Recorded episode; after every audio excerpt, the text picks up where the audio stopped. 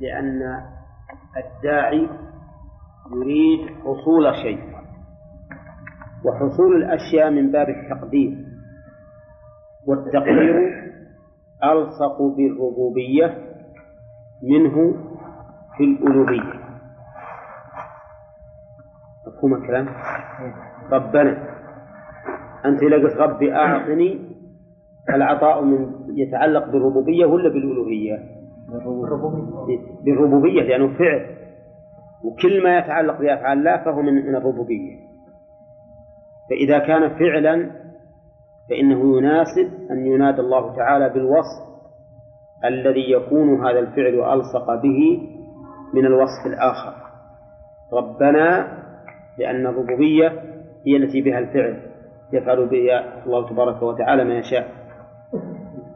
وقوله ربنا المنة هل هما يقولان ذلك بألسنتهما؟ يعني كل واحد يقول ربنا تقبل منا أو أن أحدهما يقول والثاني يؤمن.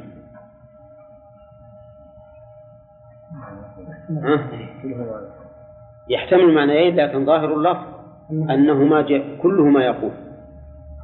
فإما أن يكون إبراهيم يقول ربنا تقبل منا ويتبعه إسماعيل وإما أن هذا يقول مرة وهذا يقول مرة. ولا يقال إن أحدهما يقول والثاني يؤمن مثل قصة موسى وهارون. ما نقول هكذا لأن موسى وهارون ذكر الله أن القائل موسى. وقال موسى ربنا إنك آتيت فرعون وملأه زينة وأموالا في الحياة الدنيا. ربنا ليضلوا عن سبيله. ربنا اطمس على أموالهم واشدد على قلوبهم فلا يؤمنوا حتى يروا العذاب الأليم. قال قد أجيبت دعوتكما. هل هارون كان داعيا؟ ها؟ لا. ولكن قال أهل العلم إنه كان يؤمن. وموسى يدعو. وموسى هو الذي يدعو صريح في الآية. أما هذه فظاهر الآية أن كل منهما يقول ربنا تقبل منا. وقوله تقبل منا. ما معنى القبول؟ القبول أخذ الشيء والرضا به. أخذ الشيء والرضا به. ومنهما يذكره الفقهاء في قولهم ينعقد البيع بالإيجاب والقبول بالإيجاب والقبول. تقبل الله تعالى للعمل أن يتلقاه بالرضا فيرضى عن فاعله. وإذا رضي الله تعالى عن فاعله فلا بد أن يثيبه فلا بد أن يثيبه الثواب الذي وعده إياه. وقول ربنا تقبل منا هذا هو المدار في الحقيقة. المدار على القبول وليس على العمل. وكم من إنسان عمل أعمالا كثيرة ولم تقبل منه فلم تنفعه. وكم من إنسان عمل أعمالا قليلة قبلت منه فنفعه الله بها. فالمدار على القبول. وقوله تقبل منا إنك أنت السميع العليم. هذه الجملة تعليل شو التعليل له؟ أه؟ لطلب القبول مو للقبول لطلب القبول. يعني نسألك أن تقبل وأنت يا ربنا سميع عليم. وقوله إنك أنت السميع العليم. هذه هذه الجملة قلت لكم إنها تعليل لما سبق. وهي مؤكدة بمؤكدين. أحدهما يا حجاج. الجملة مؤكدة بمؤكدين. أحدهما إنك أنت السميع العليم.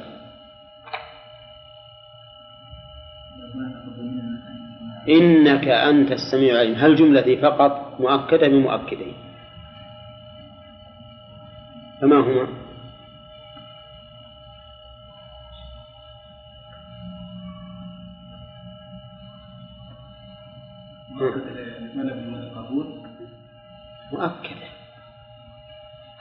مؤكد بمؤكدين الأول إنك. آه، النون إن. إن. آه. إنك إيه. والثاني أنت. أنت. لأن أنت ضمير فصل. وقد سبق لنا في باب ال... في البلاغة وفي كلامنا دائما. نقول ضمير الفصل يفيد التوكيد. إنك أنت على هذا نقول أنت ضمير فصل لا محل له من الإعراب. والسميع خبر إن. السميع خبر إن. والسميع من أسماء الله عز وجل. وله معنيان. أحدهما بمعنى المستجيب. والثاني بمعنى السامع للأصوات. فهو بمعنى إدراك المسموع وإجابة الدعاء.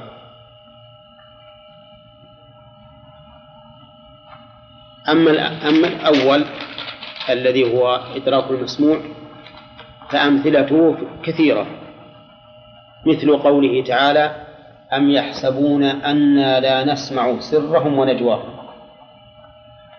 ومثل قوله تعالى قد سمع الله قول التي تجادلك في زوجها ومثل قوله تعالى لقد سمع الذين لقد سمع الله قول الذين قالوا إن الله فقير ونحن أغنياء.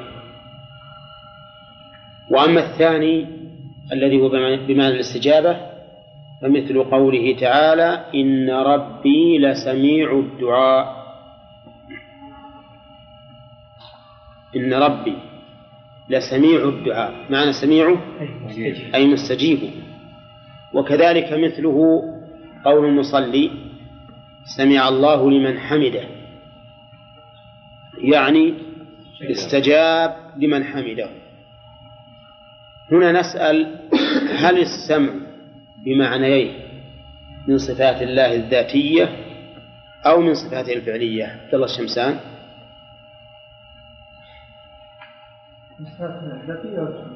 كيف؟ كلهن من الذاتية والفعلية. السمع اللي هو سمع الأصوات نعم. من الذاتية. نعم. والاستجابة من الذاتية. من الفعلية ما تقولون؟ صحيح؟ لأن الاستجابة تتعلق بمشيئته. إن شاء استجاب وإن شاء لم يستجب. وأما إدراك المسموعات فإنه ملازم لصفاته. لم يزل ولا يزال سميعا. إذ أن خلاف السمع الصمم والله والصمم عيب والله تعالى منزه عن كل عيب. طيب ما الذي يناسب الدعاء؟ عندما تقول ربي أجب دعائي إنك أنت السميع العليم. أي أي المعنيين؟ الاستجابة. كله كله لأنه إذا لم يسمع مثلا لو قدر أنه ما يسمع صوتك بالدعاء ما استجاب. ولو سمع الصوت ولكن أخر الإجابة ما ما حصل مطلوبه فهو فهو يشمل الأمرين. فأنت إذا قلت إنك أنت السميع يعني يا ربي إنك تسمعني وتجيبني. تسمعني وتجيبني. وقوله العليم ما هو ما هو العليم؟ العليم معناه ذو العلم. وعلم الله تبارك وتعالى شامل لكل موجود ولكل معدوم ولكل ممكن ولكل مستحيل ولكل واجب. يعني يتعلق بكل شيء. علم الله يتعلق بكل شيء. يعلم ما كان وما يكون وما لم يكن لو كان كيف يكون. سبحانه وتعالى. الدليل على تعلقه بالمستحيلات. اسمعي. قوله تعالى إنه على كل شيء. لا. آه، تعلق علمه اي علم.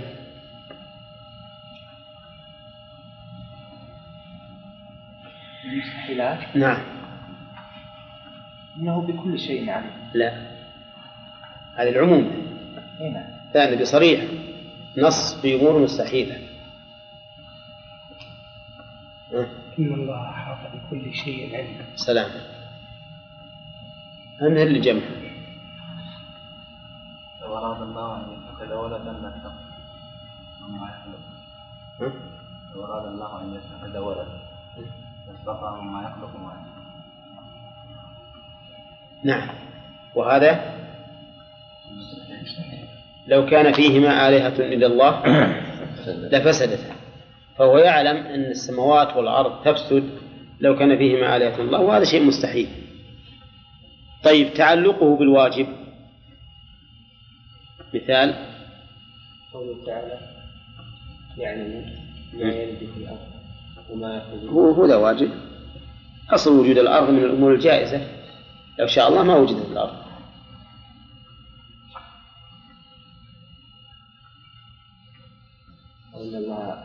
عالم الغيب.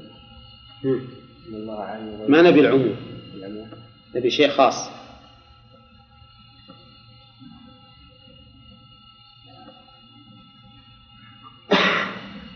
ترى مرت علينا هذه بال- بالتوحيد.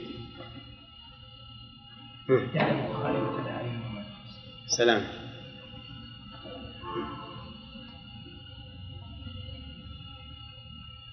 بالواجب. يعلم السر وأخفى. لا إن الله عنده علم الساعة. مم. واجب. شلون؟ الساعة على أنها. الساعة واجب أن تكون؟ أي نعم. إيه لكن هل وجوبها عقلي ولا ولا سمعي؟ إلى الأمر. ها؟ لأنها على الأفضل يمكن نقول هكذا. طيب شهد الله أنه لا إله إلا هو والملائكة. تفرده بالألوهية أمر واجب وقد شهد به. شهد به لنفسه. والشهادة تتضمن العلم بلا بلا ريب. تبين الآن أن العلم أما على التعلق بال- بالممكنات فهو كثير. كل ما تحدث الله أنه يعلمه من, من أمور الخلق فهو مما يتعلق بالأمور الممكنات. واعلم أنه من أنكر علم الله فهو كافر. كل من أنكر علم الله فإنه كافر سواء أنكره فيما يتعلق بفعله أو فيما يتعلق بخلقه. فلو قال إن الله تعالى لا يعلم ما يفعله العبد فهو كافر. كما لو قال إن الله لا يعلم ما يفعله بنفسه.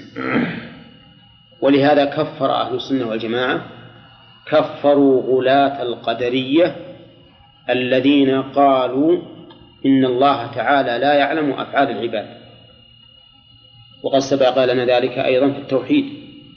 وقلنا إن غلاة القدرية ينكرون علم الله بأفعال العباد.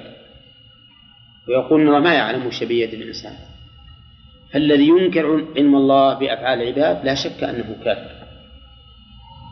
لأن الله يقول ولقد خلقنا الإنسان ونعلم ما توسوس به نفسه.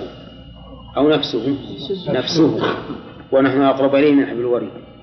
ويقول سبحانه وتعالى أم يحسبون أنا لا نعلم سرهم ونجواهم؟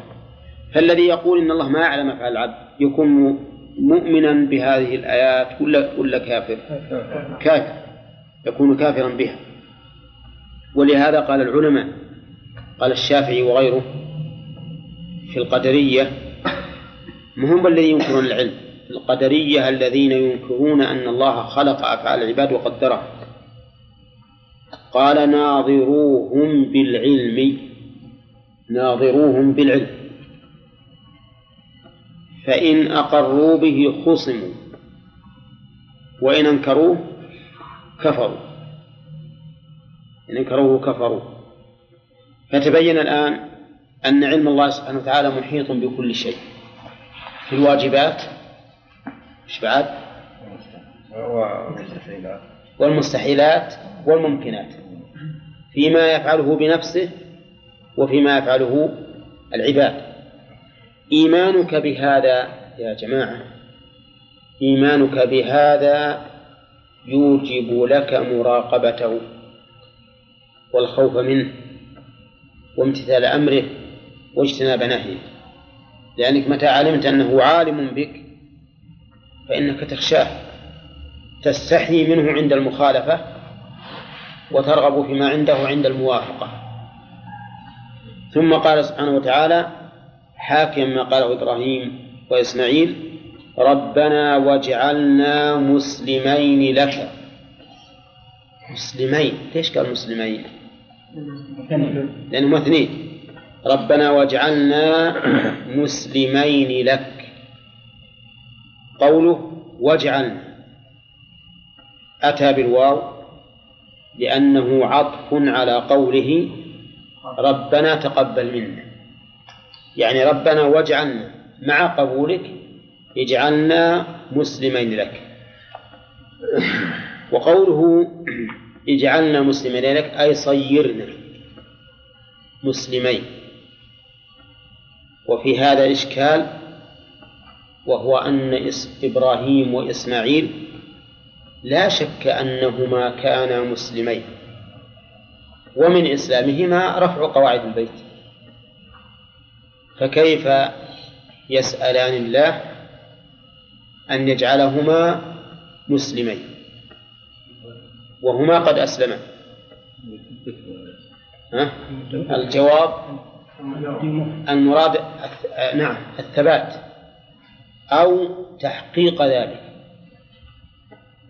نعم لأن الإنسان بغض النظر عن إبراهيم وإسماعيل قد لا يتحقق الإسلام في, في, في نفسه لأن المسلم من أسلم قلبه لله وجوارحه.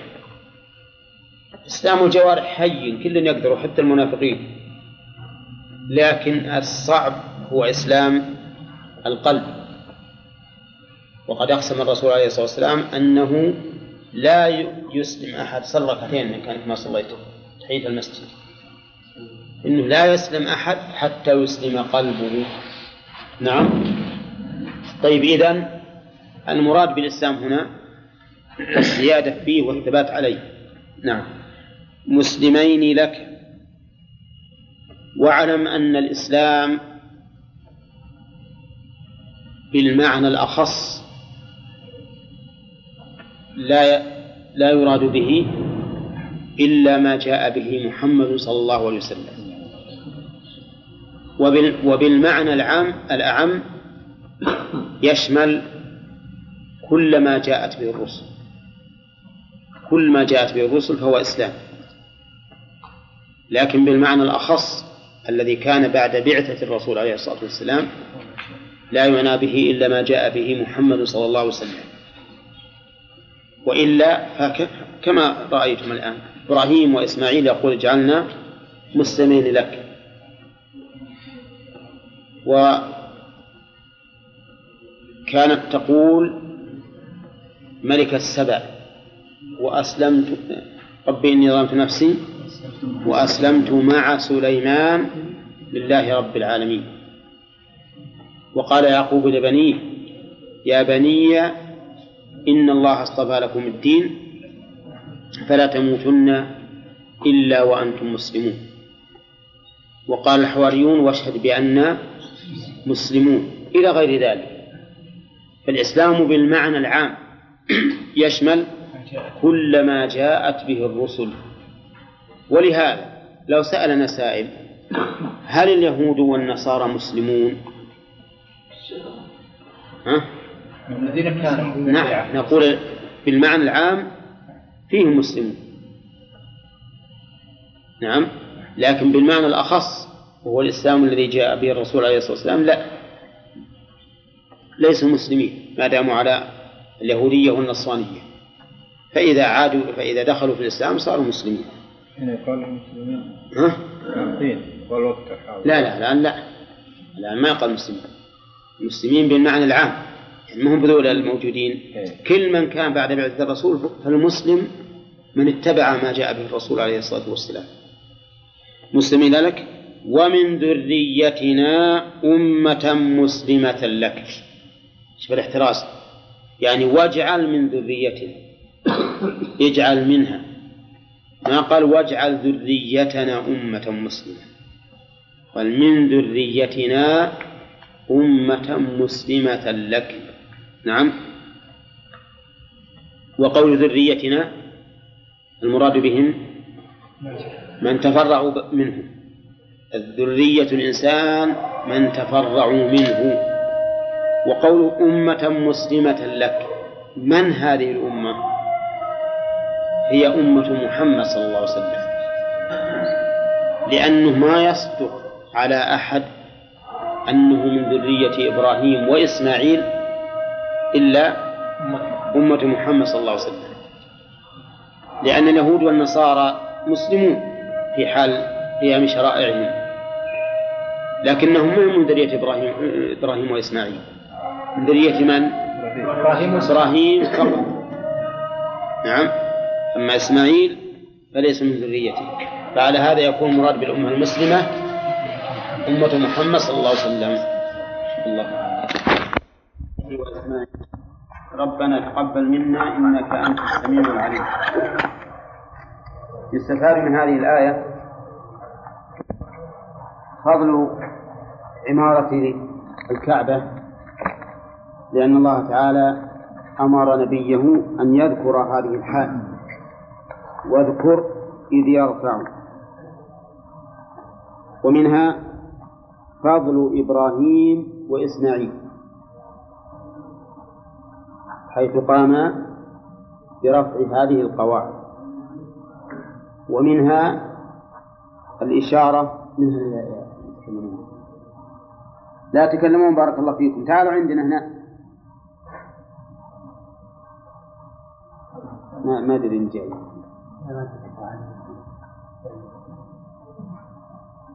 ومنها أنه ينبغي للباني أن يقعد للبناء. فيضع القواعد بقوله وإذ يرفع إبراهيم القواعد. إذا بنى على غير قاعدة فإنه ينهار. ومنها أن الأصل في هذا البناء إبراهيم. لأنه ذكر يرفع إبراهيم القواعد من البيت ثم عطف بقوله وإسماعيل. فدل هذا على أن الأصل هو إبراهيم عليه الصلاة والسلام. ومنها أهمية القبول وأن المعول عليه ليس على العمل فكم من عامل ليس له من عمله إلا التعب.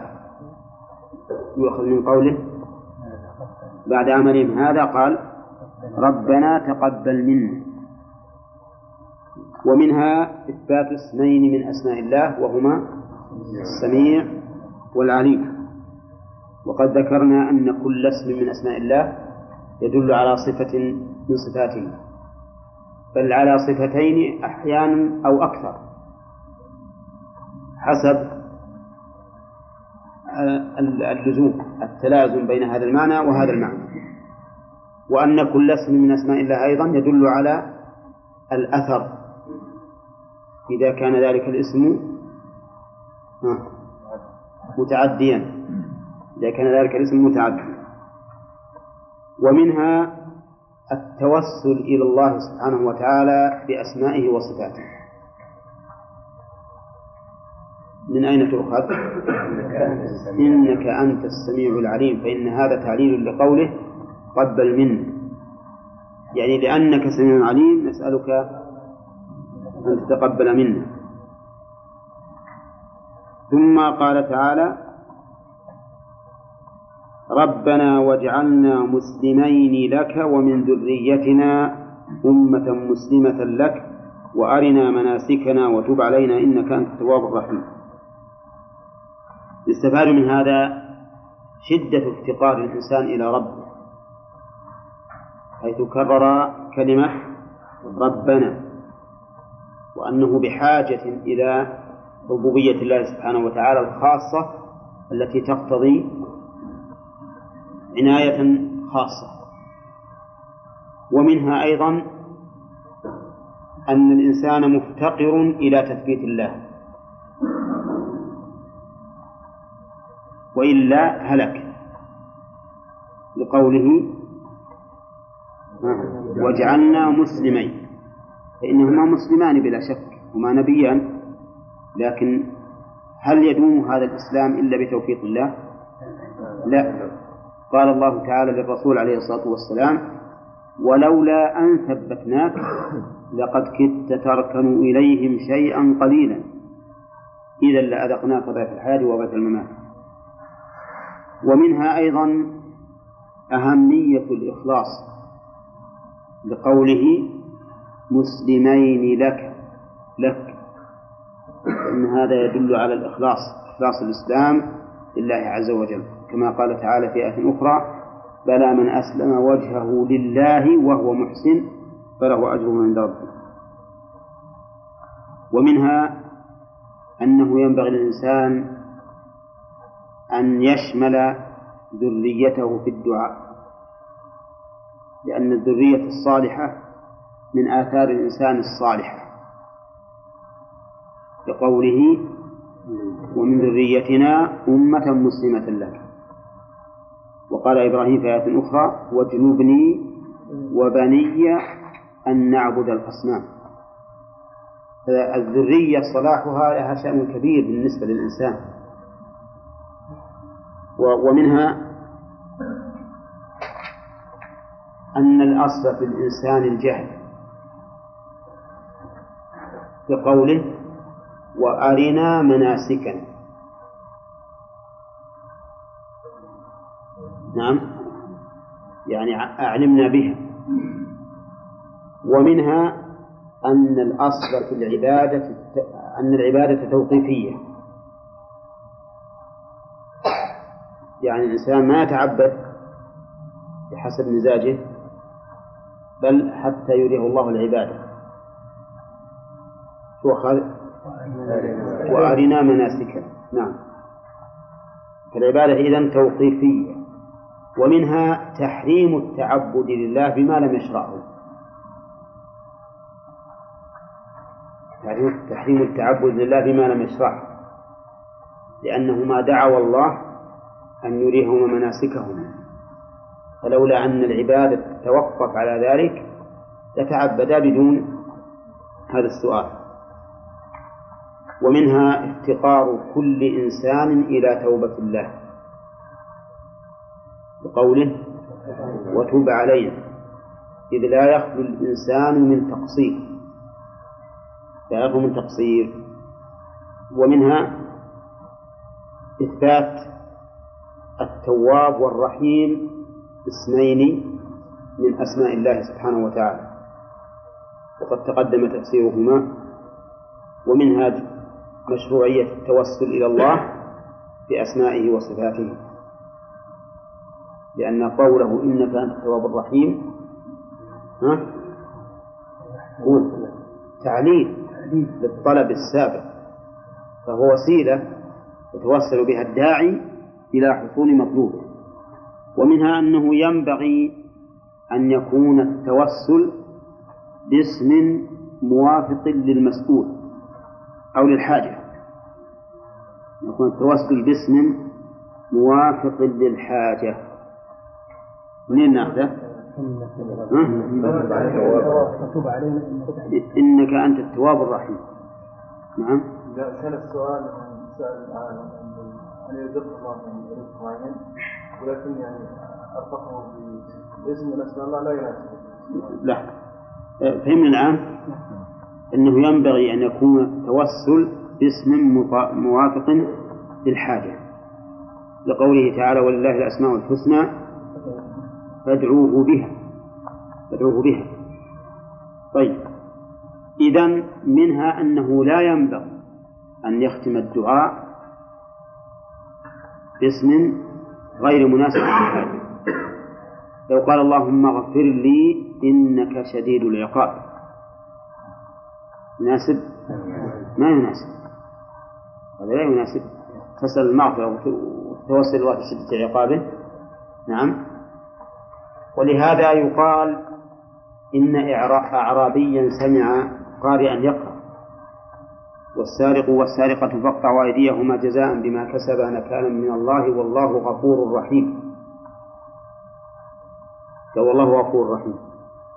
لا هذا قال يقطع ويغفر. هذا ما يمكن فقال له أعد الآية. أعاد الآية على هذا الوجه. فاقطعوا أيديهما جزاء بما كسبا نكالا من الله. ها؟ والله غفور رحيم. قال مقسم طيب. فأعاد الثالثة على الوجه الصواب. فقال نكالا من الله والله عزيز حكيم. ها؟ فقال الآن. فإن الله تعالى عز وحكم فقطع. ولو غفر ورحم ما قطع. هنا ولهذا قال الله تعالى في الذين يحاربون الله ورسوله إنما جزاؤهم أن يقتلوا أو يصلبوا أو تقطع أيديهم وأرجلهم من خلاف أو ينفوا من الأرض. ذلك لهم خزي في الدنيا ولهم في الآخرة عذاب عظيم. إلا الذين تابوا من قبل أن تقدروا عليهم فاعلموا أن الله غفور رحيم. وش معنى هذا؟ يعني كان قبل إيه وش معنى إن ختمه بأن الله غفور رحيم؟ فاعلموا أنه غفور رحيم. إلا الذين وش معنى ختمه يا أخوان؟ معناه نعم أنه يرفع عنه العقوبة. معناه أن ترفع عنهم العقوبة. إلا الذين تابوا من قبل أن تقدروا عليهم. ما قال فاتركوهم. قال فاعلموا أن الله غفور رحيم. أي رفع العقوبة عنهم. مفهوم؟ طيب. نعم. الفرق بين فائدة الاستثناء الفرق بين قول- ينبغي التوسل أن يكون باسم يوافق الحاجة. نعم. وقول لا ينبغي أن يتم الدعاء بما لا يوافق الحاجة. إيه. لا هذا ينبغي هذا مطلوب وده هذا يعني هذا غير محمود المعنى كلها لا ينبغي يعني هذه لا واحد ينبغي وواحد لا ينبغي الذي ينبغي أن يكون باسم موافق للحاجة والذي لا ينبغي بسم لا يوافق إيه يعني معناه لو قال قائل هل إذا ختمت باسم الله وفق الحاجة هل هو يعني فيه ذم؟ طيب. منين نفهم من فيه ذم؟ إلا من الفائدة الثانية عشر إيه. قال الله تعالى ربنا وابعث فيهم رسولا منهم. هذه الآية ما كملناها. نعم. ربنا وابعث فيهم رسولا منهم. يتلو عليهم آياتك آياتك. ويعلمهم الكتاب والحكمة ويزكيهم. ينمي أخلاقهم. والتزكية التنمية والتطهير. ينمي أخلاقهم ويطهرها من كل رذيلة وهكذا كانت شريعة الرسول عليه الصلاة والسلام. تنمية للأخلاق الفاضلة وتطهير من كل رذيلة. فهو يأمر بالبر ويأمر بالمعروف ويأمر بالإحسان ويأمر بالصلة ويأمر بالصدق ويأمر بكل خير. كل ما فيه خير للإنسان في دينه ودنياه فإن الإسلام يأمر به وهذه تزكية. وينهى عن ضد ذلك. ينهى عن الإثم وعن القطيعة وعن العدوان وعن العقوق وعن الكذب وعن الغش وغير ذلك من مساوئ الأخلاق. هذه تزكية. تدرون الناس قبل الإسلام كيف حالهم؟ نعم. حالهم بالنسبة للعبادة لا تسأل. شرك كفر. بالنسبة للأحوال الاجتماعية لا تسأل أيضا عن حالهم. القوي يأكل الضعيف ويأكل والغني يأكل الفقير يأكلون الربا أضعاف مضاعفة يغير بعضهم على بعض يتعايرون بالأنساب يدعون بدعوى الجاهلية إلى آخره. جاء الإسلام هدم كل هذا. هدم كل هذا. ومن تدبر التاريخ قبل بعث الرسول عليه الصلاة والسلام وبعد قبل بعثه وبعده علم الفرق العظيم بين حال الناس قبل البعثة وحالهم بعدها وظهر له معنى قوله تعالى ويزكيهم إنك أنت العزيز الحكيم.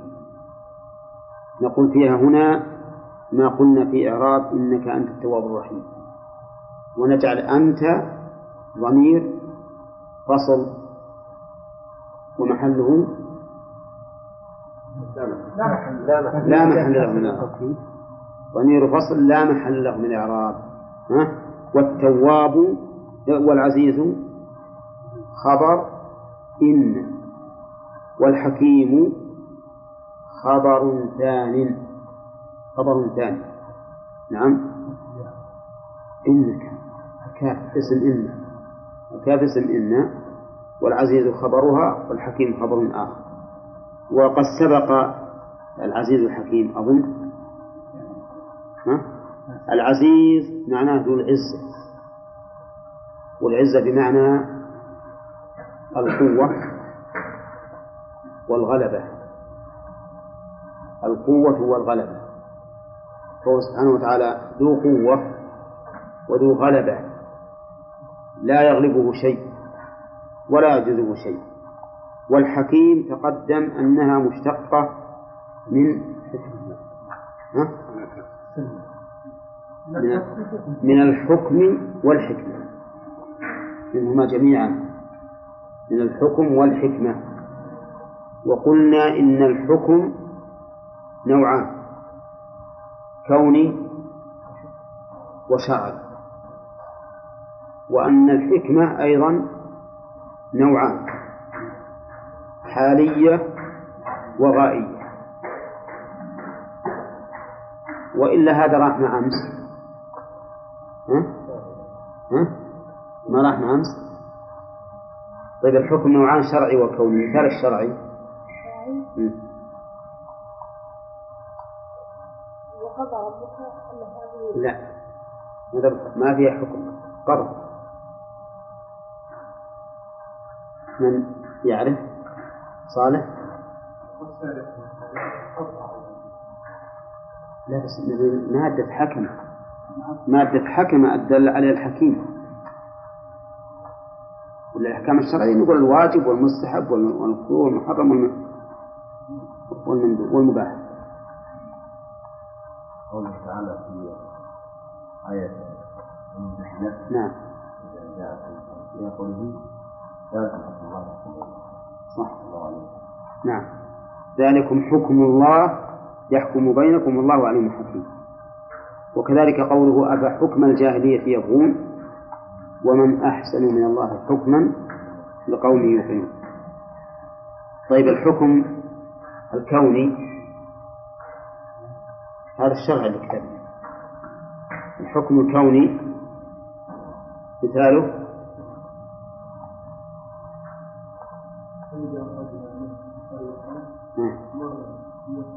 لا هذا الأمر الكوني نريد الحكم الكوني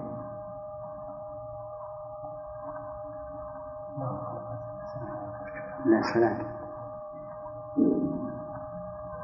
قوله فلن أبرح الأرض حتى يأذن لي أبي. بعد؟ أو يحكم الله لي حكما هذا كونيا لأن الحكم الشرعي ما منع من الأرض أن يرجع. فلن أبرح الأرض حتى يأذن لي أبي أو يحكم الله لي فهمتم؟ طيب الفرق بين الحكم الكوني والشرعي الحكم الكوني لا بد من إيش؟ من وقوع والحكم الشرعي قد ينفذ وقد لا ينفذ قد يمتثل المؤمن الإنسان ويقوم بالحكم وقد لا يمتثل أيضا الحكم الشرعي يكون إثباته من قبل الشرع يكون إقراره فيما يحبه الله والكون فيما يحبه وما لا يحبه. طيب هذا بالنسبة للحكم للحكيم باعتباره مشتقا من طيب وباعتباره مشتقا من الحكمة قلنا أن الحكمة حالية وغائية. فالحالية وجود الشيء على صورته المعينة هذه حكمة كون الإنسان معتدل القامة ورأسه على هذا على هذه الصفة ويداه وكذلك رجلاه وما فيه من خلق من خلق الله هذه حكمة حالية.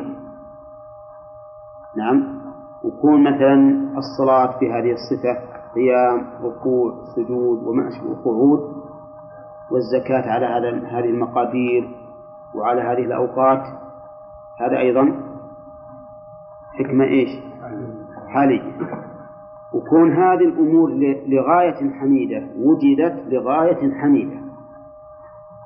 هذه حكمة غائية فإن الله تعالى ما أوجد الأشياء كونا أو شرعا إلا لغاية حميدة.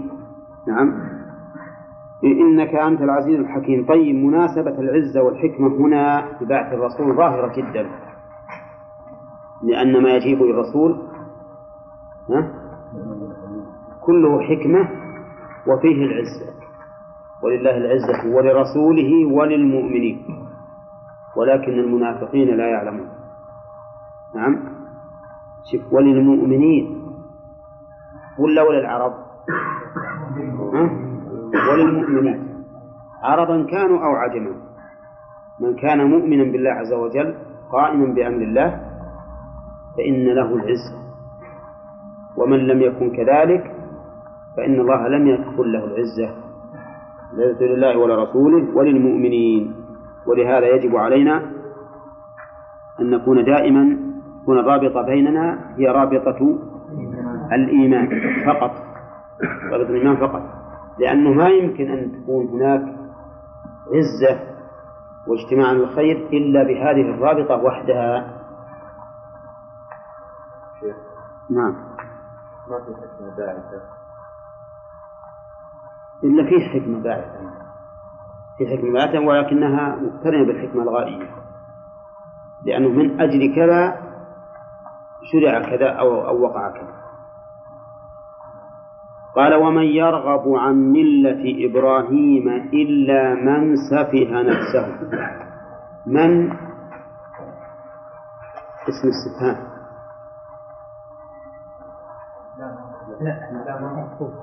ها؟ وها؟ ومن يرغب من؟ من يرغب خبرية من يرغب؟ من؟ عندنا أولى وثانية. من يرغب؟ من؟ اسم استفهام. اسم استفهام يراد به النفي. لقوله إلا من سفه نفسه. قوله إلا من سفه نفسه. فمن هنا؟ اسم استفهام. وهو مبتدأ وجملة يرغب. ها؟ خبره. جملة يرغب يعني في المضارع خبر ولا نقول هنا من شرطية. نعم لو كانت لو كانت الآية ومن يرغب عن ملة إبراهيم فقد سفه نفسه صارت شرطية لكن هذه أبلغ. من يرغب يعني لا أحد يرغب عن ملة إبراهيم. وقوله يرغب عن ملة يقال رغب في كذا ورغب عنه والفرق. ها؟ عدل عنه رغب فيه أي طلبه. ورغب عنه تركه واجتنبه. تركه واجتنبه. هنا من يرغب عن ملة إبراهيم. يعني يتركها؟ ولا يطلبها يتركها. وقوله ملة إبراهيم الملة بمعنى الدين. أي دين إبراهيم. ودين إبراهيم عليه الصلاة والسلام هو أنه كان حنيفا مسلما لله ولم يكن من المشركين.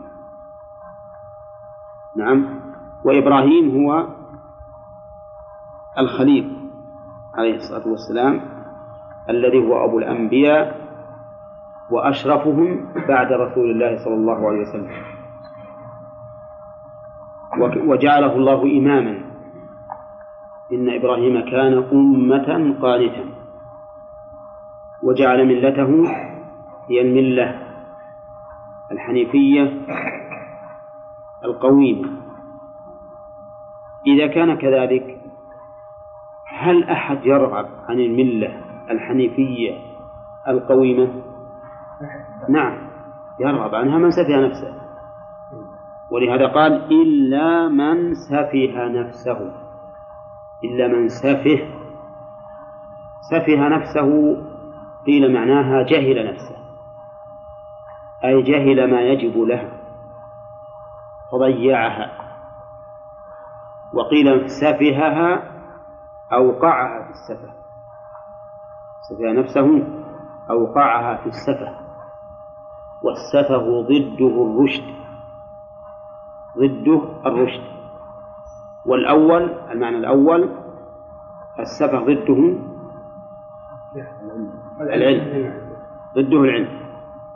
ولنا أن نقول إن من حكمة التعبير بما يحتمل وجهين فيها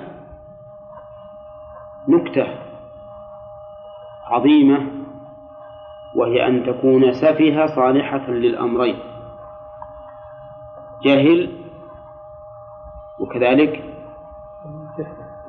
سفيهة أوقعها في السفة. فهو في الحقيقة جاهل إن لم يتعمد المخالفة. وسفيه إن تعمد المخالفة. فالإنسان اللي يرغب عن ملة إبراهيم أوقع نفسه في السفة ولم يتصرف تصرفا رشيدا. ثم إن كان عن علم فهو سفيه. ولقد اصطفيناه في الدنيا. لقد اصطفيناه. الجملة هنا مؤكدة بمؤكدات ثلاثة. وهي القسم المقدر واللام وقد لأن اللام هنا موطئة للقسم والتقدير والله لقد ها؟ والله لقد واصطفيناه افتعال من الصفوة يعني مشتقة من هذه أصل المادة هذه من صفا يصفو فمعنى اصطفيناه أي اخترناه حتى كان صفوة من الخلق. حتى كان صفوة من الخلق. اصطفاه الله تعالى في الدنيا على كل الأنبياء ما عدا محمدا صلى الله عليه وسلم. وقوله في الدنيا اصطفيناه في الدنيا أي جعلناه صفيا من الخلق. واتخذه الله تعالى خليلا. وإنه في الآخرة لمن الصالحين. إنه هذه إن واسمه ها؟ وفي الآخرة لا.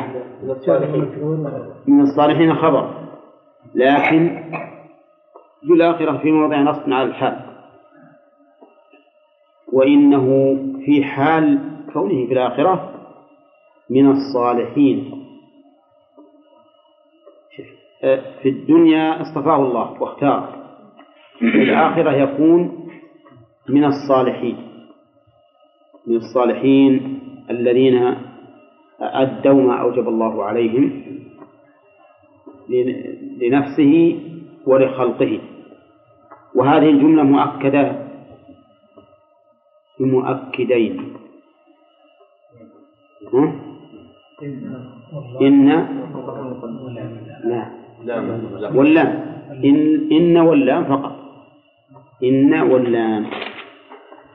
وهنا ذكر الله تعالى الاصطفاء في الدنيا والصلاح في الآخرة. هل هناك نكتة لتغاير الحالين أو لا؟ يبدو لي والله أعلم أن هناك نكتة. وهو يقين في هناك نكتة لكن بس ما نعرف هل نعرفها أو لا. ولا لا شك أن أن التعبيرين مختلفان. لكن لماذا نلتمس؟ الدنيا دار شهوات وابتلاء. فلا يصبر عن هذه الشهوات ولا على على هذا الابتلاء. إلا واحد دون الآخر. أليس كذلك؟ فإذا أخلص الإنسان نفسه لله صار صفوة من عباد الله. أليس كذلك؟ الآخرة ليست كهذا. الآخرة حتى الكفار يؤمنون. حتى الكفار يؤمنون. نعم. ولكن الفرق بين من يكون من الصالح ومن غير الصالح لأنهم هم إذا إذا عرضوا على النار أليس هذا بالحق؟ قالوا بلى وربنا أولم تأتيكم رسلكم البينات قالوا بلى قالوا يا ولنا من بعث مرقدنا ها؟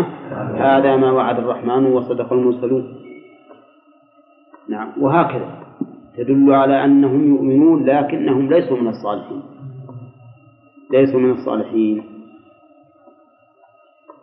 إذ قال له ربه أسلم. هذه أيضا متعل يعني تابعة للثناء على إبراهيم.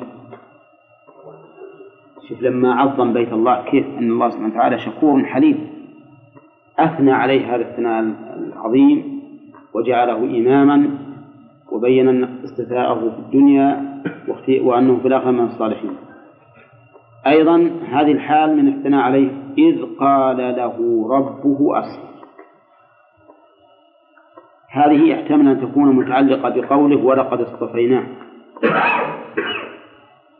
ولقد اصطفيناه إذ قال له ربه. ويحتمل أن تكون متعلقة بمحذوف تقديره. اذكر إذ قال له ربه فيكون أمرا للرسول صلى الله عليه وسلم أن ينوه بهذه الحال التي كان إبراهيم صلى الله عليه وسلم عليها إذ قال له ربه أسلم. قال سمعا وطاعة. نعم. نعم. ما تأنى. ما تأنى ولا تأبى. قال أسلمت لرب العالمين. الإسلام يتضمن التوحيد توحيد العبادة. لرب العالمين يتضمن توحيد الربوبية والأسماء والصفات. أسلمت لرب العالمين. فأسلم إسلاما كاملا بدون تردد. وما أكثر الذين قال لهم ربهم أسلموا ولكن لم يسلموا. تسع تسعمية وتسع وتسعين من بني آدم. قيل لهم أسلموا ولم يسلموا لأنهم كلهم من أهل النار. تسعة تسعمية وتسع وتسعين بالألف من بني آدم كلهم في النار وواحد منهم في الجنة. لكن هذا قال له ربه أسلم قال أسلمت لرب العالمين. وهذه صفة حميدة جدا. استحق أن ينوه بها عنه. وهي عامة لأصل الإسلام ولفرائع الإسلام. حتى الفروع أسلم فيه. رأى في المنام أنه يذبح ابنه. فنفذ. نعم نعم. نفذ. قال الله له وناديناه أي إبراهيم أي يا إبراهيم قد صدقت الرؤيا. فنفذ مع أنه ابنه وحيد ما له غيره. أتاه على كبر وبلغ معه السعي. يعني بلغ أن يمشي معه. وهذا وقت تعلق الإنسان بابنه. لأن الطفل الصغير قد لا تتعلق به النفوس والكبير قد انعزل. وزالت الرغبة فيه. لكن اللي بهذا المستوى هذا هو غاية ما يكون من تعلق القلب به. فرأى في المنام أنه يذبحه فنفذ. إلا أنه أراد أن يختبر ابنه. حيث قال إني أرى في المنام أني أذبحك وانظر ماذا ترى. قال يا أبت افعل ما تؤمر ستجدني إن شاء الله من الصابرين. وذكر الله القصة. نعم. قوله اصطفيناه في الدنيا. ما ذكر الرسول ولا الأنبياء إلا. قيل أن السياق في إبراهيم. ذكروا أنهم عندنا لمن المصطفين الأخيار. يا مريم إن الله اصطفاك وطهرك. لكن هنا السياق في في الثناء على إبراهيم. نعم يا. ها؟ نعم. نعم. لأن الرب لا بد أن يكون كاملا. الرب اللي ربوبيته عامة العالمين كلها لا بد أن يكون كاملا وإلا ما صح أن يكون ربا للعالمين شيخ وش وجه يعني الله سبحانه وتعالى وحي إلى الرسول أن يتبع ملة إبراهيم؟ وفي الحديث أن خير الهدي هدي محمد صلى الله عليه نعم. وسلم. أحسن. نعم. هذا هدي النبي عليه الصلاة والسلام متضمن لهدي إبراهيم وزيادة. لأن هدي إبراهيم هو الإخلاص والتوحيد عموما. لكن فرائع الإسلام تختلف. لأن الله تعالى يقول لكل جعلنا منكم شرعة ومنهاجا. في الأصل في التوحيد والإخلاص ملة إبراهيم هي الملة المقتدى بها. لكن فروع الإسلام كملت بالشريعة التي التي كان عليها الرسول عليه الصلاة والسلام. فلهذا كان خير الهدي هدي محمد صلى الله عليه وسلم. قال أسلمت لرب العالمين. ووصى بها وفي قراءة وأوصى بها. ما هو قوله هل هو وحي أم إلهام؟ الأصل الأصل إذا قال إذا قال هو قول الوحي. كلمه ووصى بها إبراهيم بنيه ويعقوب. فيها قراءة؟ أوصى بها. أما إبراهيم في الموضع الأول والثاني ففيها القراءة التي ذكرناها لكم قبل وهي إبراهام. ووصى بها إبراهام. وتقول إبراهيم.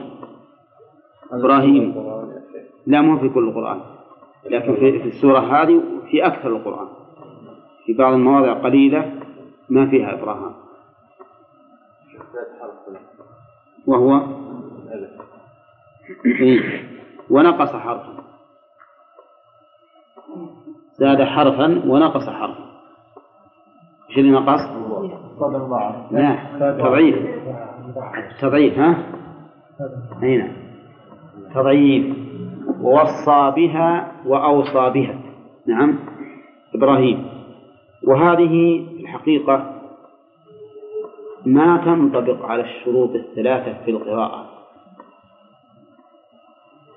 ها؟ وش الشروط الثلاثة في القراءة؟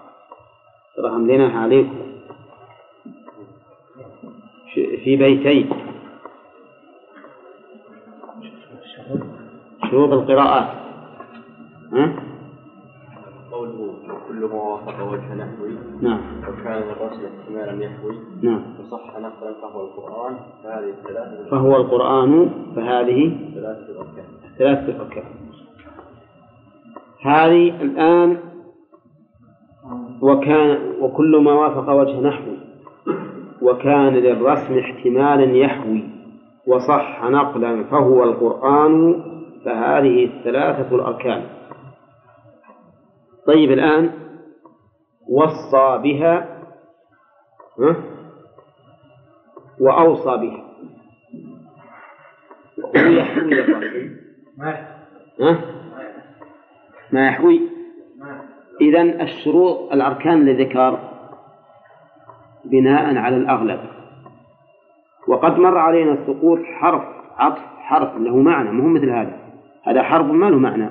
الهمزة والتضعيف ما لهم معنى. لكن ورد مر علينا فيما سبق سقوط حرف معنوي. وش هي؟ قالوا وقال. وين هي؟ قال اتخذ الله ولدا. صح. وقراءة؟ قال. قالوا اتخذ الله. والله واسع عليم قالوا اتخذ الله. واسع عليم وقالوا اتخذ الله. ها؟ وقالوا اتخذ الله. نعم. ووصى بها بها. بها الضمير يعود على هذه الكلمة العظيمة وهي أسلمت لرب العالمين ويجوز أن يكون. الضمير يعود على الملة وصى بهذه الملة نعم ولكن هو المعنى واحد لأن ملة إبراهيم هي إذ قال له الرب أسلم قال, قال أسلمت لرب العالمين ووصى بها إبراهيم بنيه. رحمك الله. والتوصية العهد المؤكد. في الأمر الهام. هذه التوصية. العهد المؤكد في الأمر الهام. ولا لا يا غانم؟ نعم. وش التوصية؟ العهد. التوصية والعهد. الأمر. العهد مؤكد بالأمر الهام. طيب. وقوله إبراهيم بنيه بني وش محل من الأعراب؟ مفعول وصف. ولهذا نصبت بالياء لأنها ها؟ لا. من أسماء ملحق. ملحق. بجمع المذكر السالم نعم. قال ويعقوب ويعقوب معطوفة على إبراهيم. يعني وكذلك وصى بها يعقوب بنيه. نعم. ما ذكر إسحاق؟ لأن إسحاق موصى. من اللي موصيه؟ إبراهيم. ثم عاد يعقوب اللي هو حفيد إبراهيم ابن ابنه وصى بها بنيه. يعني وكذلك وصى بها يعقوب. وسمي يعقوبا لأنه عقب إسحاق. هذا إذا قلنا أنه مشتق. أما إذا قلنا أنه اسم جامد فإنه لا حاجة إلى أن نعلل هذا التعليل. نقول يعقوب اسم جامد وله مشتق. وقول يعقوب من أشهر أولاد يعقوب؟ يوسف. نعم. يعقوب قال يا بني. يا بني ولا يا بني؟ يا بني. وش الفرق بين يا بني يا بني؟ بني جمع. وبني واحد مصغر. ها؟ واحد مصغر. طيب يا بني. جمع. أين النون التي هي عوض عن تنوين الاسم المفرد؟ راح وين هي؟ لأنه نادى وين كانت منها؟ تقول يا بنون. نادي تقول يا بنون. ملحق ها؟ ما في مضاف. آه حذفت النون للإضافة. حذفت النون للإضافة. تقول هؤلاء مسلمو مكة. نعم. وقاتل النبي صلى الله عليه وسلم مشركي مكة.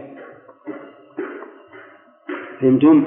فالنون تحذف للإضافة مثل ما إن التنوين يحذف للإضافة.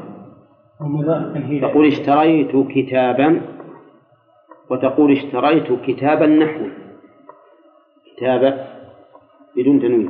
مضاف إلى المتكلم إلى المتكلم هنا يا بني إن الله اصطفى لكم الدين. شوف قال يا بني لأ- لأجل الترقيق والقبول. قبول الدعوة. هذا من باب الرقة لأجل أن يقبلوا الدعوة. يا بني إن الله اصطفى لكم الدين. اصطفاه اختاره. ولكم لأجلكم. اصطفى لكم لأجلكم الدين. ما هو الدين؟ الدين هو العبادة والعمل. ويطلق على الجزاء ففي قوله تعالى مالك يوم الدين. إيش المراد بالدين؟ الجزاء وفي قوله تعالى ورضيت لكم الإسلام دينا العبادة فالدين يطلق على هذا وهذا على العمل والجزاء عليه. ومنه قولهم كما تدين تدان يعني كما تعمل تجازى. نعم. جار ومجرور. متعلق باصطفى نعم. ها؟ في محل نصب مفعول به مفعول لا اللام للتعليل بس. ما في مفعول لأجل لا. لكم الدين فلا تموتن. ألف للتفريع. أي فعلى هذا الاختيار تمسكوا بهذا الدين. ولا تموتن. لا هذه ناهية. ناهية. والمعروف أن لا الناهية تجزم الفعل. وهنا تموتن. وش آخر الفعل؟ التاء لا نوع التوكيد منه. الفعل التاء ما جزم؟ صالح مجزوم. ما جزم.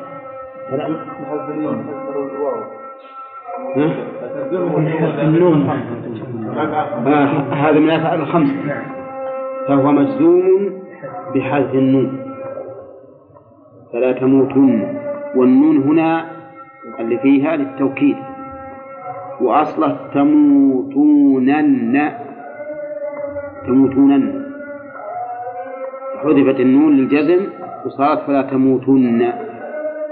ثم حذفت الواو لالتقاء الساكنين. الواو اللي هي الضمير. لالتقاء الساكنين لأن النون المشددة أولها ساكن. والواو ساكنة. فتحذف الواو. قال ابن مالك إن ساكنان التقى يكسر ما سبق وإن يكن لينا. فحذفه استحق. الرجيم قال الله تعالى في بقية دعاء إبراهيم وإسماعيل ربنا وابعث فيهم رسولا منهم يتلو عليهم آياتك في هذا من فوائد الآية ضرورة الناس إلى بعث الرسل.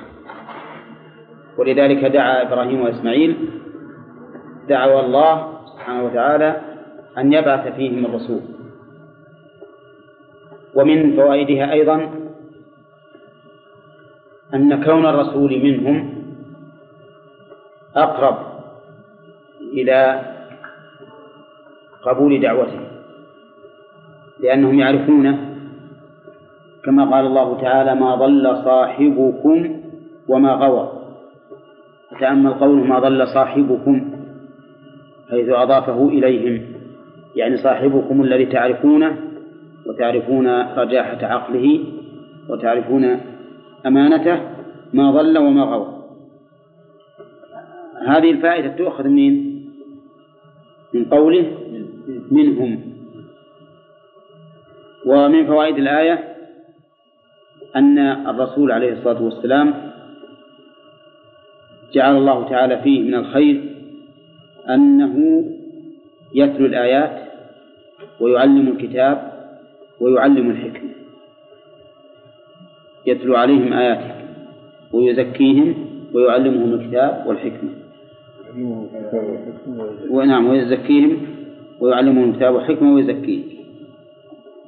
ومنها أن رسالة النبي صلى الله عليه وسلم تتضمن ذكر آيات الله الكونية والشرعية وتتضمن تعليم الكتاب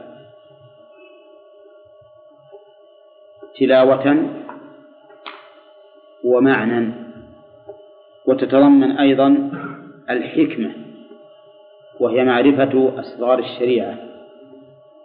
وتتضمن تزكية الخلق بقوله ويزكيه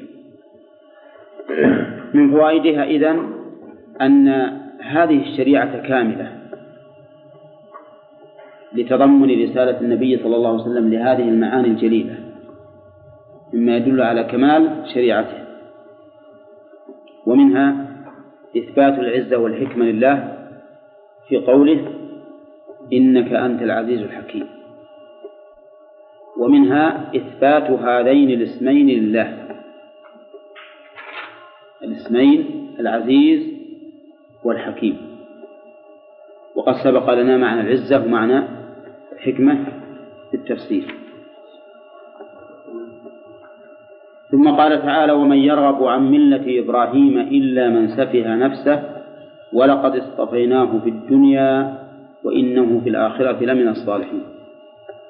يستفاد من هذه الآية الكريمة أن الرشد اتباع ملة إبراهيم. بقوله إلا من سفه نفسه. ومن فوائدها أيضا أن مخالفة هذه الملة سفه مهما كان الإنسان حليما في قومه. فإنه يعتبر سفيها إذا لم يلتزم بشريعة الله. ومنها فضيلة إبراهيم حيث اصطفاه الله تعالى واختاره على العالمين. بقوله ولقد اصطفيناه في الدنيا ومنها إثبات الآخرة بقوله في الآخرة ومنها أن الصلاح وصف للأنبياء ومن دونهم فيوصف النبي بأنه صالح ويوصف متبع الرسول بأنه صالح. ولهذا كانت الأنبياء عليهم الصلاة والسلام يحيون الرسول صلى الله عليه وسلم ليلة المعراج بقولهم مرحبا بالأخ الصالح والنبي الصالح. فوصفوه بالصلاح؟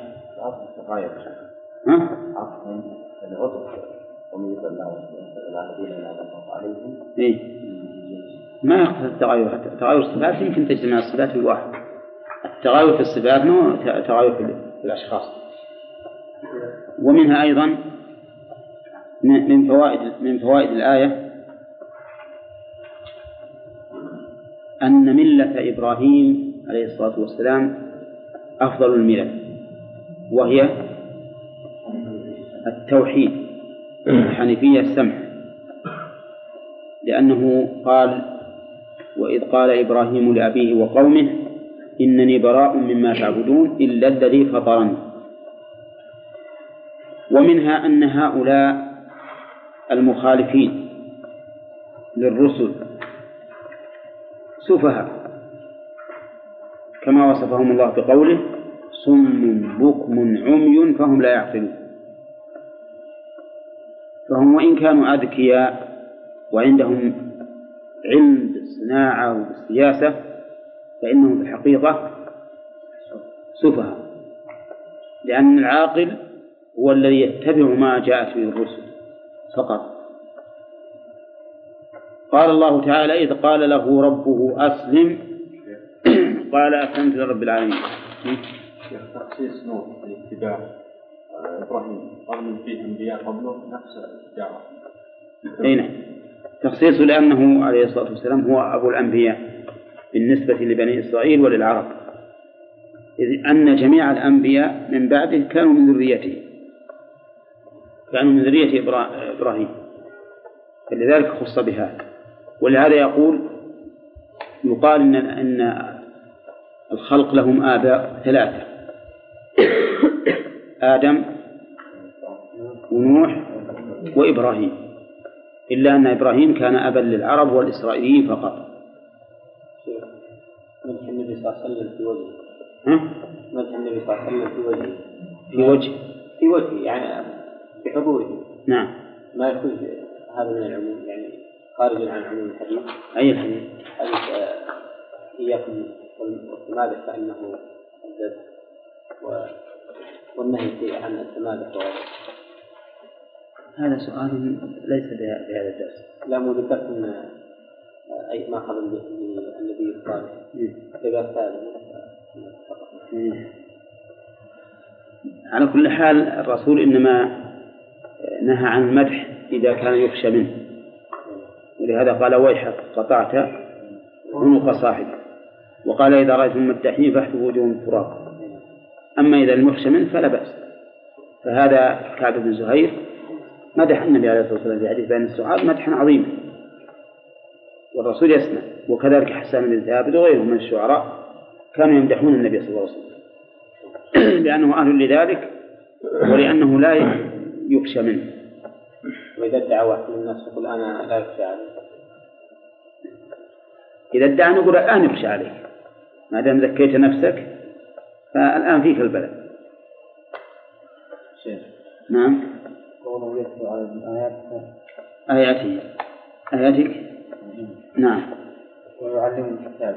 في فرق بين التعليم والتلاوة؟ نعم. فرق. التعليم يشمل التعليم اللفظ والمعنى والتلاوة وإن لم يعلمه. بالمعنى أو أو يدرسهم تدريس. لأن التعليم خاص الآن عندما أقرأ أنا قرآن أتلو عليه. ولي- وليس هذا تعليم. لكن عندما أهجيك على حرف حرف وكلمة كلمة هذا هذا التعليم والكتاب الثاني هو المراد بالآيات نعم. يتلو عليه الآيات لا. هو ال- المراد بالكتاب القرآن. والآيات. الآية الأولى ما يختص بالآيات الدالة على الله. قال إذ قال له ربه أسلم قال أسلمت لرب العالمين. هذا هذه الآية يستفاد منها فضيلة إبراهيم عليه الصلاة والسلام حيث لم يتوانى ولم يستكبر. لم يستكبر لأنه قال أسلمت. لم يتوانى لأنه قال إذ قال قال. فكان هذا معقبا لقوله إذ قال له ربه أسلم. إذ قال له ربه أسلم قال أسلمت لرب العالمين. ومنها إثبات ربوبية الله تعالى العامة لكل أحد. لقوله لرب العالمين. ومنها الإشارة إلى أن الخلق من آيات الله لأنهم سموا عالمين حيث إنهم علم على خالقهم سبحانه وتعالى. ومنها المناسبة بين قوله أسلمت ورب كأن هذا علة لقوله أسلمت. فإن الرب هو الذي يستحق أن يسلم له. الرب الخالق. ولهذا أنكر الله سبحانه وتعالى عبادة الأصنام وبين علة ذلك بأنهم لا يخلقون. والذين يدعون من دون الله لا يخلقون شيئا وهم يخلقون. أموات غير أحياء وما يشعرون أيان يبعثون فتبين بهذا مناسبة ذكر الإسلام مقرونا بالربوبية. ثم قال تعالى ووصى بها إبراهيم بنيه ويعقوب يا بني إن الله اصطفى لكم الدين فلا تموتن إلا وأنتم مسلمون. من هذه الآية يستفاد أولا أهمية هذه الوصية. لأنه اعتنى بها من؟ إبراهيم ويعقوب. فإبراهيم أبو العرب والإسرائيليين ويعقوب أبو الإسرائيليين. فهم فهذان الرسولان الكريمان اعتنيا بها حيث جعلها مما يوصى به. ومنها أنه ينبغي العناية بهذه الوصية. اقتداء بمن؟ بإبراهيم. ويعقوب. ومنها أن الله سبحانه وتعالى اختار لعباده من الدين ما هو أقوم بمصالحهم. بقوله اصطفى لكم أي اختار. فلولا أنه أقوم ما يكون بمصالح العباد ما اختاره الله تعالى لعباده. ومنها أنه ينبغي التلطف بالخطاب.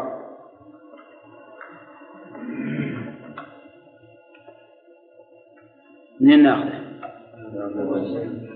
يا بني فإن نداءهم بالبنوة يقتضي قبول ما يلقى إليهم ومنها أيضا أنه يجب على المرء أن يعاهد نفسه دائما حتى لا يأتيه الموت وهو غافل.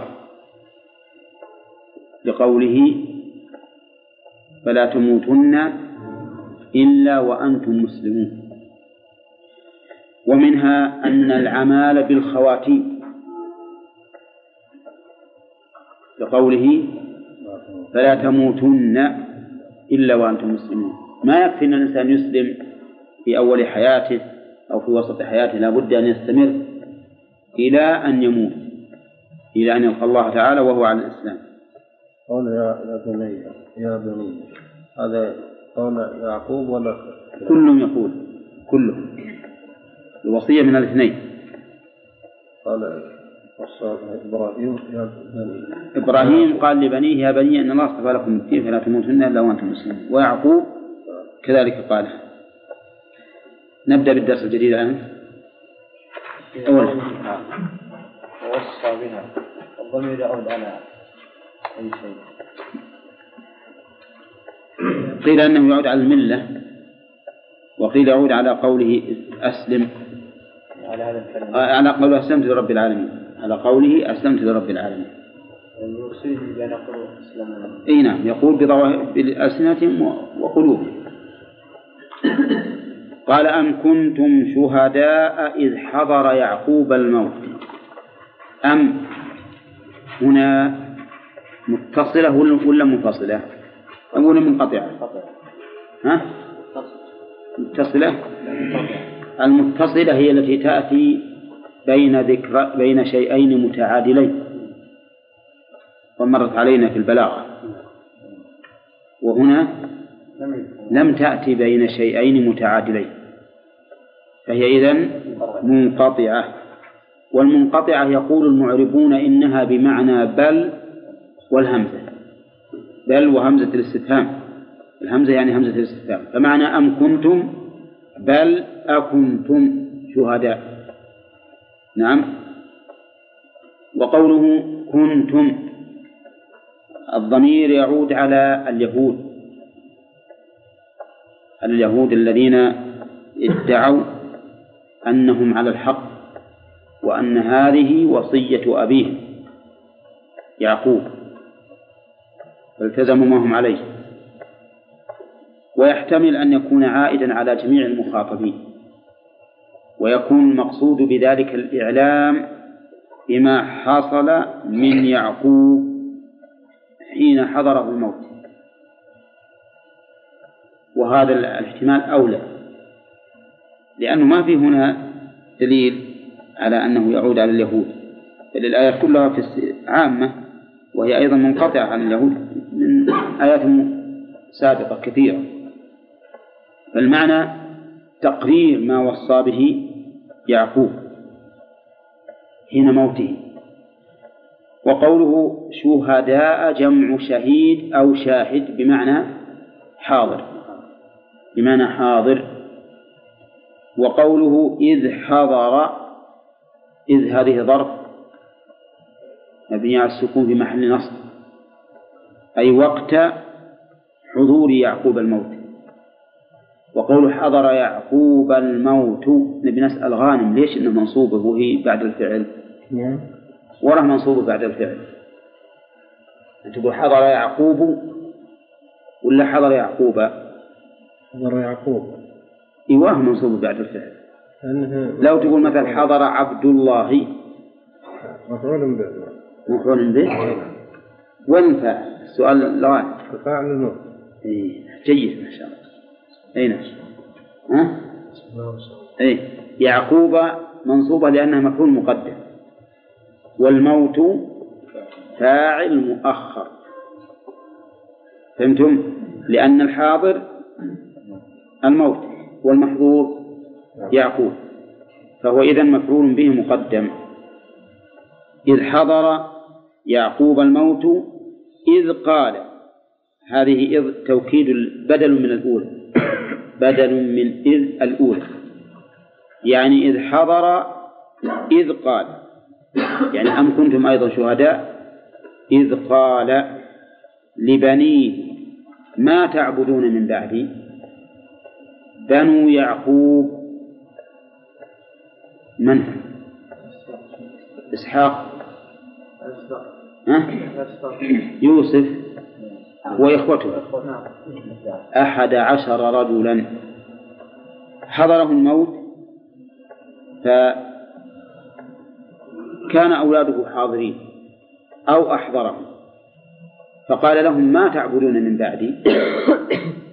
قوله من بعدي أي من بعد زمن وليس من بعد ذاتي لأنهم ما هم يعبدونه هم يعبدون الله. فالمراد من بعدي أي من بعد موتي أي من بعد الزمن الذي أنا حاضر فيه معكم. فأنتم الآن تعبدون الله فما فماذا تعبدون من بعدي؟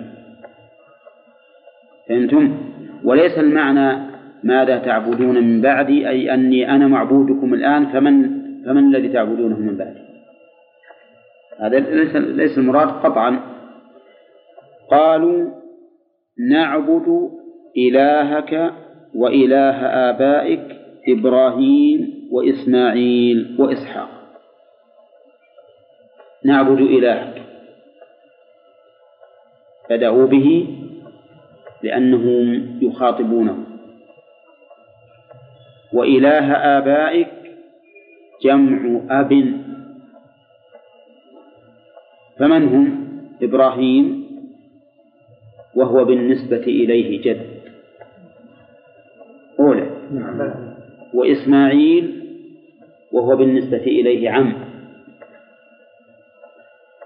وإسحاق وهو بالنسبة إليه أب مباشر. أب مباشر. أما إطلاق الأبوة على إبراهيم وعلى إسحاق فالأمر فيها ظاهر. أولى لأن إسحاق أبوه وإبراهيم جده والجد أب.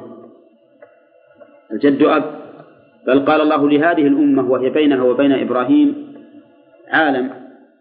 قال ملة أبيكم إبراهيم. لكن الإشكال في كون إسماعيل أبا له مع أنه عمه فيقال كما قال النبي عليه الصلاة والسلام لعمر أما شعرت أن عم الرجل صنو أبيه. والصنو الغصن أو الغصنان أصلهما واحد أصلهما واحد. فذكر مع الآباء لأنه صنو الأب لأن العم صنو الأب. وكما قال الرسول صلى الله عليه وسلم الخالة بمنزلة الأم. كذلك نقول العم بمنزلة الأب. مفهوم يا جماعة؟ طيب. وقيل إن هذا من باب التغليب وأن الأب ما يطلق حقيقة على العم إلا مقرونا بغيره بالأب الحقيقي. نعم. وأن وعلى هذا فإذا يكون المسألة ما فيها إشكال إطلاقا. لأن التغليب سائغ في اللغة العربية. فيقال القمران والمراد بهما الشمس والقمر. ويقال العمر العمران وهما أبو بكر وعمر. وقول ملة أبيكم إبراهيم هو واسم قالوا نعبد إله وإله آبائك إبراهيم وش إعراب إبراهيم؟ بدل. من آبائك. بدل من آبائك. وفيها قراءة. إبراهام هي قراءة إبراهام إلها واحدا. إلها هذه حال. حال يسمونها حال موطئة. ولكنها بناء على أن الإله غير مشتق. والصحيح أنه مشتق وأنه بمعنى مألوه وعليه فتكون حالا مؤسسة حقيقية موطئة. لأن الحالة الموطئة التي تكون تمهيدا لمشتق مثل قرآنا عربيا فإن قرآنا منه مشتقة. والحال كما تقدم لنا أن تكون مشتقة. هذه قال بعضهم إنها كذلك وهو مبين على أن الله والإله غير مشتق والصحيح أنه مشتق وعلى هذا فيكون إلها منصوب على الحال واحدا حال أخرى مكررة إلها واحدا نعبده إلها واحدا. وعلى كونها وفي هذا وفي هذا دليل على أن العبادة والألوهية معناهما واحد لكن العبادة باعتبار العابد والألوهية باعتبار الإله. ولهذا يقول أهل العلم يسمون التوحيد توحيد العبادة وبعضهم يقول توحيد الألوهية. نعم. وعلى كونها حالا موفاة نعم. يكون رب واحدة يعني حال حال حال على كل حال لا لا ما تكون بدل. بدل من إله. لا ما تكون بدل. منه لأنه ما, ما البدل معناه أنك إذا حذفت المبدل منه استقام الكلام. وهذا ما يستقيم الكلام. طيب وش فائدة بالنحاة؟ أي؟ يعني واحد مفهوم من قول إله لا. إلها نكرة والنكرة تفيد الإطلاق ولا تمنع تمنع الاشتراك. فلو قلت لك مثلا أكرم رجلا هل معناه ولا تكرم غيره؟ لا ما تفيد ما في التوكيد يا شيخ. لا ما تكون لو قالوا ما نعبد إلا إلها فربما لكنها ما ما تدل على الوحدانية إلا إذا قالوا واحدا.